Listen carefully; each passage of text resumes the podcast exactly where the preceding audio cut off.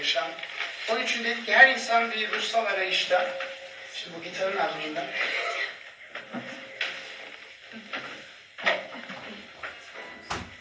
Her insan bir ruhsal arayışta bulunuyor ve um, onun için böyle bir etkinlik yapalım dedik. Ve İstanbul Üniversitesi Şehir Kilisesi'ne hoş geldiniz. Evet, Kera teşekkürler. Um, ikinci mezmura baktık. Bugün e, insan tarihinde kahramanlar ve krallardan bahsetmek istiyorum ve biraz yani krallıktan başlayarak bu çok yani insan tarihinde kitaplara geçmiş şeyler. e, çok daha derinlere ilerlemek istiyorum sizinle. Önce krallardan başlayıp sonra daha e, insan yapısına, yani psikolojik yapımıza ilerlemek istiyorum. Um, ve sizinle üç e, fikir paylaşmak istiyorum. Birisi kral özlemi, İkincisi kral reddi ve üçüncüsü mükemmel kral. Kral özlemi, kral reddi ve mükemmel kral. Bilmiyorum hiç düşündünüz mü? İnsan edebiyatına bakınca krallara aşırı bir e, düşkün olduğumuz meydana çıkıyor. E, insan tarihine bakınca ve bugünkü 21. yüzyılda monarşiler ve krallıklar e, çoğunlukla kalktı. Yani belki İngiliz, İngilizlerin var, bırakamıyorlar. Belki e, İsveçlerin var, bırakamıyorlar ama başka yerde kalktı yani. Türkiye'de yok mesela. Değil mi? Yoksa yanlış mı söylüyorum? E, ama yine de böyle bir kral efsanelerinden doyamıyoruz. Şimdi ben sadece e, kendi neslimden bahsedeyim. E, ben mesela Robin Hood çocukken, çocuktum filmi çıktı Kevin Costner'den. Çok hoşlandım o filmden. Robin Hood kral üzerine. Kral gitmiş, kral dönmüş. Kötü bir kral, iyi kral. E, King Arthur e, efsaneleri var. Ondan sonra e, Game of Thrones birçok insan ondan e, doyamıyor. E, ve yani Yüzüklerin Efendisi var, Narnia günlükleri var. Yani sadece birkaçını saymak istiyorum. Ben bütün yani bütün öğlen sonra devam edebilirim size e, kral efsanelerini saymak için. Um, ama yani bu biraz gösteriyor ki hepimiz biraz kral hastasıyız gibi bir e, durumumuz var. Halbuki insan tarihe baktığımızda genelde krallar krallıklar kötülük, trajedi, tiranlık getirmiştir. Yani böyle aslında övünecek pek bir şey yok yani özlenecek de pek bir şey yok ama içimizde öyle bir durum var. Ve buna hiç şaştınızsa ve ne, acaba bu neden diye sordunuzsa kendinizi e, işte, güzel bir yazar, bir profesör e, bir alıntı e, şöyle bir şey yazdı. E, Narnia'nın e, yazarı C.S. Lewis belki bazıları tanıyor. E, dedi ki bakın dedi insanlar insanlara kralları yüceltmeyi yasakladığın takdirde onun yerine milyonerleri, sporcuları veya film yıldızlarını yüceltirler. Hatta ünlü fahişeler veya haydutları bile. Çünkü bedensel ihtiyaçlar nasıl karşılanmalıysa manevi ihtiyaçlar da karşılanmalıdır. İnsana besin vermezsen onun yerine zehir yutar. Bak çok ilginç bir şey. Şimdi krallara baktık ama diyor ki tamam krallar kalksa da diyor bir kahraman arzusu var, bir kahraman özlemi var. Ö- Kahraman olmazsa e, sporculara bakarız, spor takımlara bakarız e, veya milyonerlere bakarız veya film yıldızlarına bakarız e, veyahut fahişelere veya haydutlara bile diyor. E, yani insan aslında söylemek istediği şey e, yani bir insanın e, DNA'sında yani tasarımında bir kral özlemi var. Öyle bir şey demek istiyorum. Ve e, hepimiz yani biraz kral hastasıyız demek istiyorum. Peki e, şimdi farkına var biz biraz daha genişlettik kavramı. Krallardan kahraman- kahramanlara geçtik, kahramanlardan liderlere geçtik. Peki bu neden? Bakın tek basit bir cevap var aslında. Yaşayabilmek için insanın umuda sahip olması lazım. Yaşayabilmek için insanın umuda sahip olması lazım. Ve en derin umutlarımızı yerine getiren, hayatımıza güven veren bir kral, bir kişi, bir kahraman arzu ediyor her insan. Peki bu ne demek? Yani bu ne içerir? Biraz düşünelim. Kral olmanın temeli nedir? Kral olmanın temeli nedir? Kral çok güçlü bir insan. Egemenliğin en üstünde. Ve kral arzusu deyince adil birisini arzu ediyoruz. Bilgin birisini arzu ediyoruz. Halkına, halkını koruyup e, sömürmemeli olan birisini arzu ediyoruz. Ve Türkler biliyorsunuz Atatürk var. Daha yeni e, 29 Ekim kutladık. Şimdi e, Atatürk'ün ölüm gününe yaklaşıyoruz. Yani biz e, kendimizi çok şanslı hissedebiliriz. Çünkü bizim ülkemizde gerçekten öyle bir yani öyle bir adam var. Ama yani halkını koruyup, sömürmemeli, barış için çalışması, insanlara iyi bir örnek olup, e, insanlara ilham ver- vermesini arzu ediyoruz. Ve gücünü kötüye kullanmamasını arzu ediyoruz. Yani sonuçta iyi kral bir umut kaynağıdır. Hayatta teşvik veren bir kaynaktır. İyi kral halkına bir kimlik, bir özdeşlik verir. Ve e, kral özleminin sebebi dünyanın daha iyi bir yer olmasını arzu etmemiz. Ve bu istediğim insanla konuşayım, oturayım, çay içeyim. e, her insanda var. Her insan görüyor olumsuz yönleri, dünyanın olumsuz yönlerini, hayatın olumsuz yönlerini de bu, bu problemlerin ve çatışmaların çözüp, çözülmesini arzu ediyor bir yerde. Ve kötülüğün ortadan gitmesini arzu ediyor. Bu istek hepimizde var diye tahmin ediyorum. Em, Bilmiyorum fazla geriye gitmemiz lazım değil. Sadece bir örnek verirsem son İstanbul e, seçimlerinde e, büyük bir umut sarstı bu şehri. Herkes daha genç nesilde falan e, kim e, İstanbul'u kim e, kazanacak acaba diye ve böyle büyük bir umut yani insana umut doldu birdenbire. Sokaklara çıktılar, e, seçim falan yani böyle bir siz de farkına varmışsınızdır. Ve bu aslında bu e, okuduğumuz şeyin içine giriyor biraz. Ve bakın kralsızlık, metne, birazdan metne geleceğiz. Metne bakarsanız metin size e, kralsızlık seçeneği vermiyor. İkinci mezmura bakarsanız size kralsız seçeneği vermiyor. İki tane seçenek veriyor. Diyor ki ya dünyanın kralları var diyor. Bu ikinci ayette okuyorsunuz. Veyahut aynı ayette e, Rabbin neshettiği kraldan bahsediyor. Bu aslında felsefi bir şey bakın. Em, demek istediği şey bir boşluk yok. Bir vakum yok. Her zaman her insanın hayatında bir kral var. Hangi kral olduğunu seçebilirsiniz. Şimdi biraz daha derin e, derinlemeye derin, e, ilerliyorum ama e, kral olmamazlık diye bir şey yok. Öyle bir durum yok. Çünkü istiyoruz, arzu ediyoruz ve ihtiyacımız da var. Ve gerçek hayatta bulamadığımız için ve bulamadığımız takdirde fantezi dünyalara gidiyoruz. Bakın ee, bilmiyorum bu sadece Hollywood'un bir özelliği değil. Neden bu kadar süper kahraman var? Bakın saydınız mı son 3 senede sadece kaç tane süper kahraman film sinemalara geldi? Milyonlarca insanlar ve gidiyorlar, gidiyorlar, gidiyorlar. Superman, Spiderman, Batman, Thor, Hulk, e, Iron Man bilmem ben oğlum daha fazla sayılır ama yani devamlı gidiyor ya bu bir piyasa yani. Neden bu kadar insan hep aynı filmlerde hep aynı yani? Değil mi? Yani birisi dünyayı kurtarıyor. Yani özel bir şey değil. Yani filmin görmesem de size söylerim özetini. Ama neden içimizde yani neden böyle bir şey var? İnsanlar bütün dünyanın dört bucağında neden gidiyor böyle filmlere? Neden devamlı yeniden böyle filmler çekiliyor? Bakın işte kral özlemi var insanlarda. Özlemi var ama em, ilginç olan şey illaki bir kral arzu ediyoruz ama o kralı arzu etmiyoruz. O kralı arzu etmiyoruz. O kralı red- reddediyoruz ve ikinci e, fikre, ikinci düşünceye geldik. Bakın bu metin e, 3000 sene evvel Davut kralından yazıldı diye tahmin ediliyor. Davut İsrail halkının ikinci kralıydı. E, ve e, bu metni ya kendisi için yazdı yani e, tahta çıkma mezmuru olarak e, veya kendi oğlu Süleyman için yazdı. Süleyman Davut'tan sonra gelen kraldı. E, ama yani ikisinden biri ve durum şu ilk üç ayete bakınca açık bir durum var. E, yeni kral ortaya çıkmasına büyük bir e, baş kaldırma oluyor. Yani herkes engellemek istiyor. Yok böyle bir kral çıkmasın, önümüze gelmesin, e, liderlik yapmasın ve bir e, karmaşa oluyor. Yani neden uluslar e, neden uluslar arasındaki bu kargaşa, neden boş düzenler var bu halklar? Dünyanın kralları saf bağlıyor, hükümdarlar birleşiyor. Rab, Rabbe mesettiği krala karşı.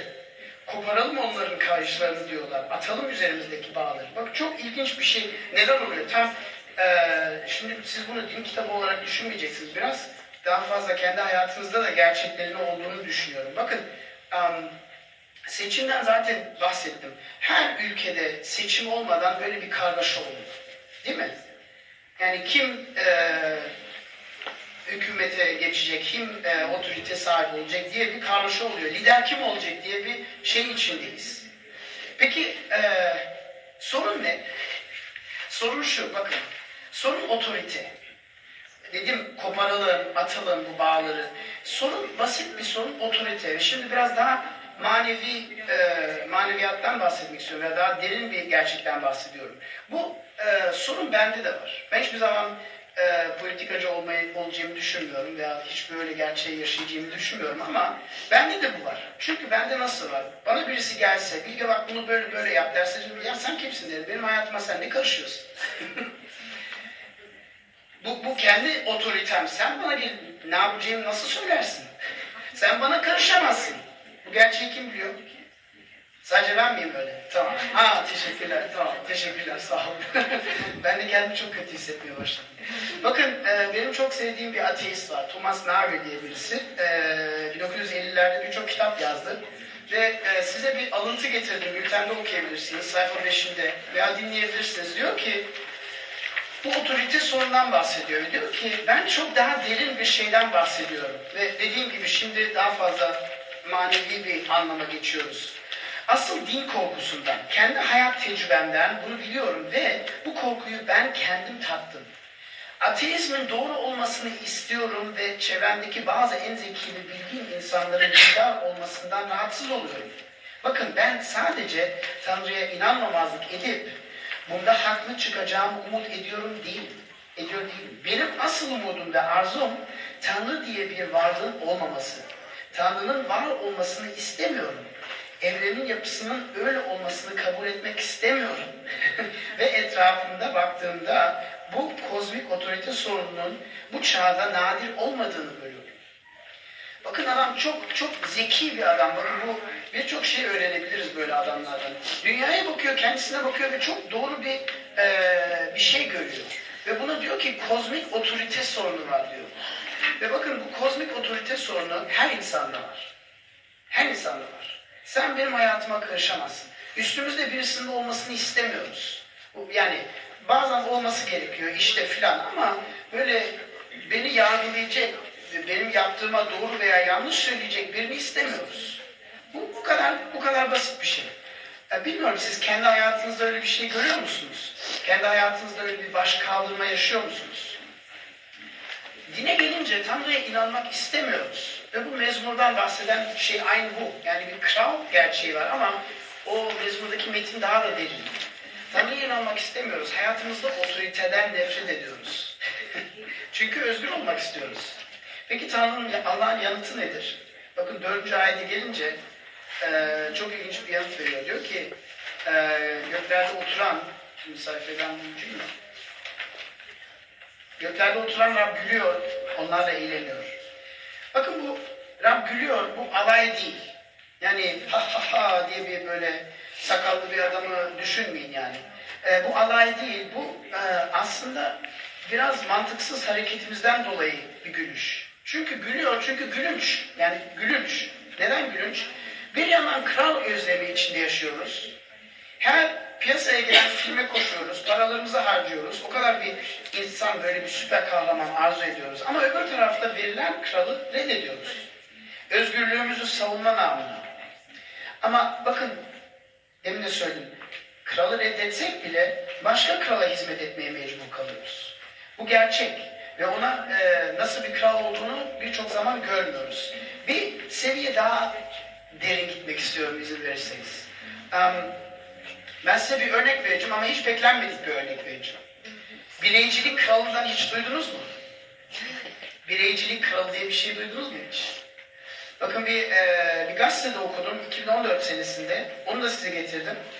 E, o da bir alıntı. En son sayfada buluyorsunuz. Christian Schüle diye bir adam e, bir yazı yazdı gazetede, e, kaliteli bir gazetede. Diyor ki kendini keşfetme, ben gerçekten kimim diye bir yazı yazdı. Ve diyor ki hiçbir çağda mutlu ve başarılı olma baskısı bu kadar şiddetli değildi. Mutlu olmaya lanetlendik, başarılı olmaya mahkum ediyor, ediliyoruz. Biz, biz kendimiz olmalıyız. Bireycilik zorunlu oldu. Bireyin mantıksız olarak idealist bireyciliğe uyum sağlaması istenmektedir. Sonuç olarak bireycilik uyumu altında en önemli sorun görmezlikten geliniyor. Ay insan, bu iPad var ya, iPhone, iPad bilmem ne, ay insan kim olduğunu biliyor mu? herkes kendi kafasına herkes kendi kafasına istediğini yapmak ister. Ve bu aynı zamanda herkes istediğini yapmak zorunda demektir. Daima kendi kişisel özelliğimizi, şahsiyetimizi, profilimizi ispat etmek zorundayız. Bugünün ruhu bizi durmadan özel olman gerek, benzersiz olman gerek, ilginç olman gerek diye seslenmektedir. Peki ama herkes benzersiz olmak zorunda ise bunu elde etmek nasıl mümkün? Bireyin hala bireyci olması mümkün mü? Yasayı duydunuz mu? Bireycilik kralın yasasını duydunuz mu? Bakın lanetlendik, mahkum olduk, zorundayız. Böyle bir gerçek var. Tabii Türkiye'de o kadar şiddetli bir bireycilik yok Batı dünyadakiler gibi ama geliyor. Instagram'dan geliyor, Facebook'tan geliyor, kaç kişi beni takip ediyor, beni beğenecekler mi? Aa resmin nasıl? Ben çok üzgünüm ama çok mutlu gözüküyorum. Böyle bir gerçek biliyor musunuz? Biliyoruz değil mi? Neden böyle? Neden böyle? Çünkü bu kral altında yaşıyoruz. Her insanın gerçeğinde bir kral var. Hangi krala hizmet ettiğinizi seçebilirsiniz ama her zaman bir kral vardır elinizin altında. Ve bakın bireycilik kralın yasası senin herkesten daha özel, ayrı, yaratıcı, başarılı, yakışıklı ve güzel olmanı ister. Ve bunu sana yasa olarak üstüne indirir, bastırır ve zorlar. Ve bakın bunu başaramazsak ne oluyor? Ne oluyor? Bakın her insan kendi kişisel şahsiyetini bir şeyler üzerine kuruyor. Ben her zaman mükemmel kariyerim var, en zeki insanlardan biri olup birdenbire kariyerimden bir düşersem hayatımdan mahvoldum, perişan oldum, yaşamak istemiyorum. Çünkü o kral altında yaşıyorum ve o kralın yasasını bozdum, kırdım ve yargılanıyorum. Bakın bu psikolojik şeyler. Bunun üzerine kitaplar da yazılıyor. Kendimizi kandırmayalım. Her insanın hayatında bir kral var ve ona hizmet ediyoruz. Hatta daha da girin, daha da girine inersek aslında her insanın hayatında aslında sadece bir kral yok. Aslında kendimiz kral olmak olma hayatı hayalinde yaşıyoruz. ben kendi hayatımın kendi kral olmak istiyorum. Ee, bana kimse söyle, ne yapacağım, ne edeceğim söylemesini istemiyorum. Kontrol bizde olsun diye istiyoruz. Ama değil. Hepimizin hayatında bir kral var ve onu üzersek, mahcup edersek, ona karşı çıkarsak bizi ezecek. Bu bir gerçek. Bir, bakın ben kendimden bahsedeyim. Ben e, kendi, benim ailem e, çok yani annem babam sağ olsunlar beni çok iyi eğittiler.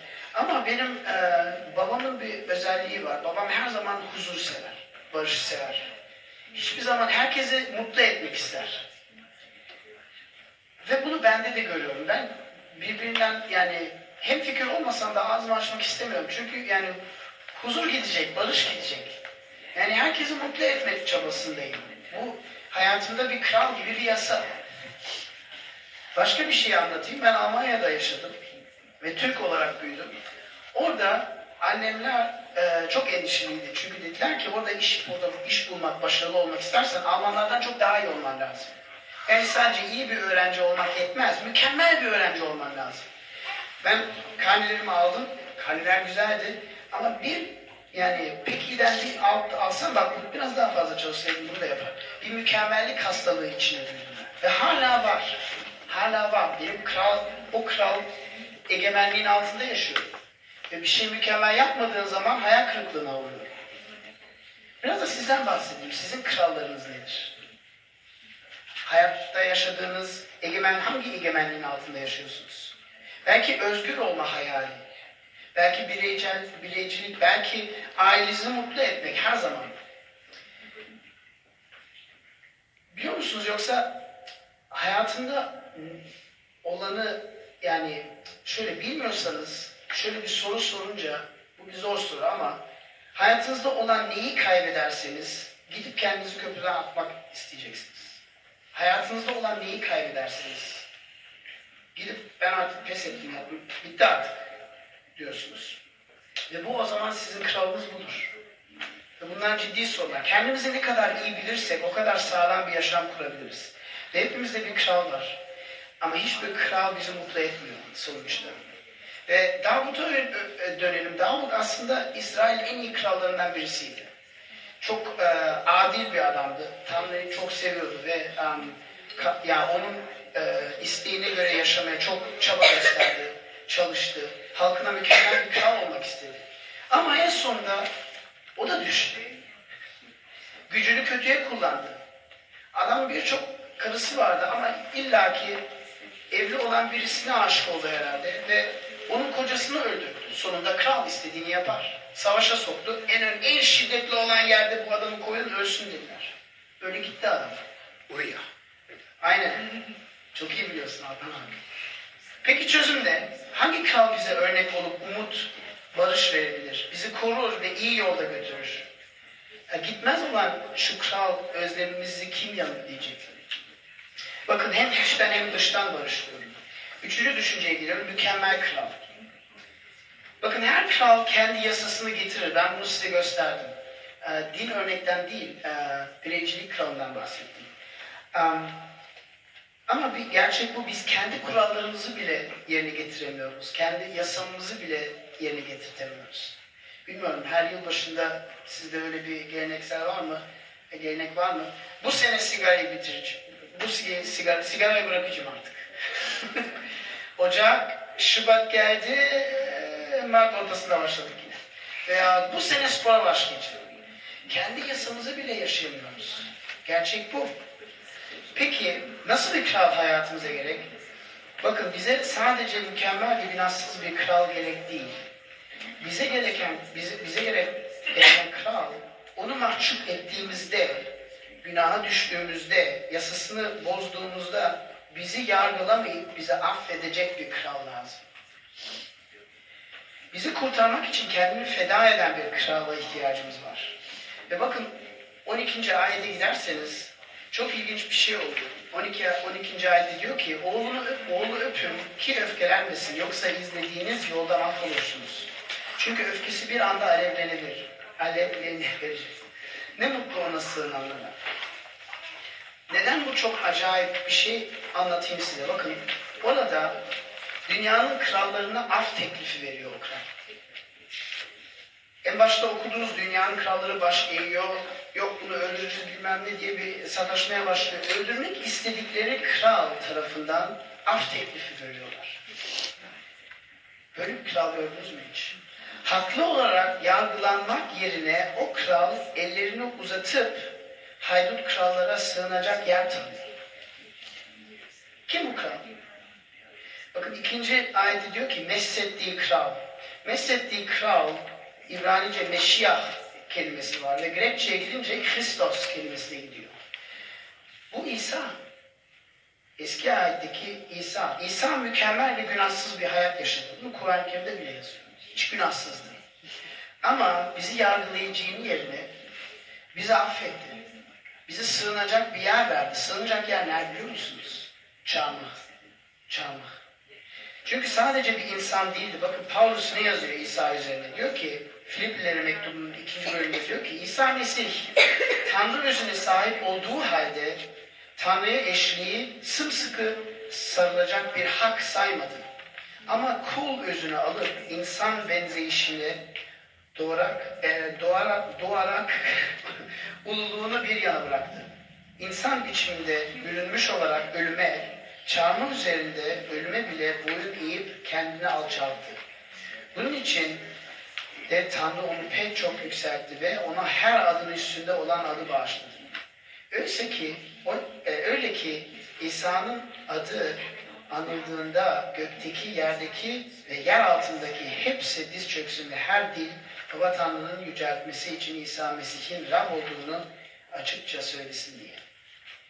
Bakın İsa Tanrı olduğu halde, bunu biliyorum, bunu, bunu biz inanıyoruz, her insan inanmıyor ama siz bir düşünün, hayatınızı size barıştan kılacak kral nasıl olması lazım? Ben bu cevabı kendim için buldum. İsa Tanrı olduğu halde bizleri o kadar sevdi ki bizi hayatımızdaki acımasız ve merhametsiz krallardan kurtarmak için tek yolu olarak kendisini feda etti. Nasıl feda etti? Kendisini insan olarak doğup mükemmel bir hayat yaşayarak kul olarak o mükemmelliğini yaşam boyunca gösterip sonunda çarmıhta bize armağan etti. Al senin olsun dedi. ki yargılanma. Ama bizim hak ettiğimiz günahlarımız yüzünden hak ettiğimiz cezayı o çekti. Çarmıhta gerildi. Hak ettiğimiz acıyı o çekti. Günahın gazabı bizim yerimize onun üzerine geldi. Ve böyle bir kral gerçekten içimizde ve dışımızda barışla bizi kılabilir. Tamam. Dinlediğiniz için teşekkürler. Şimdi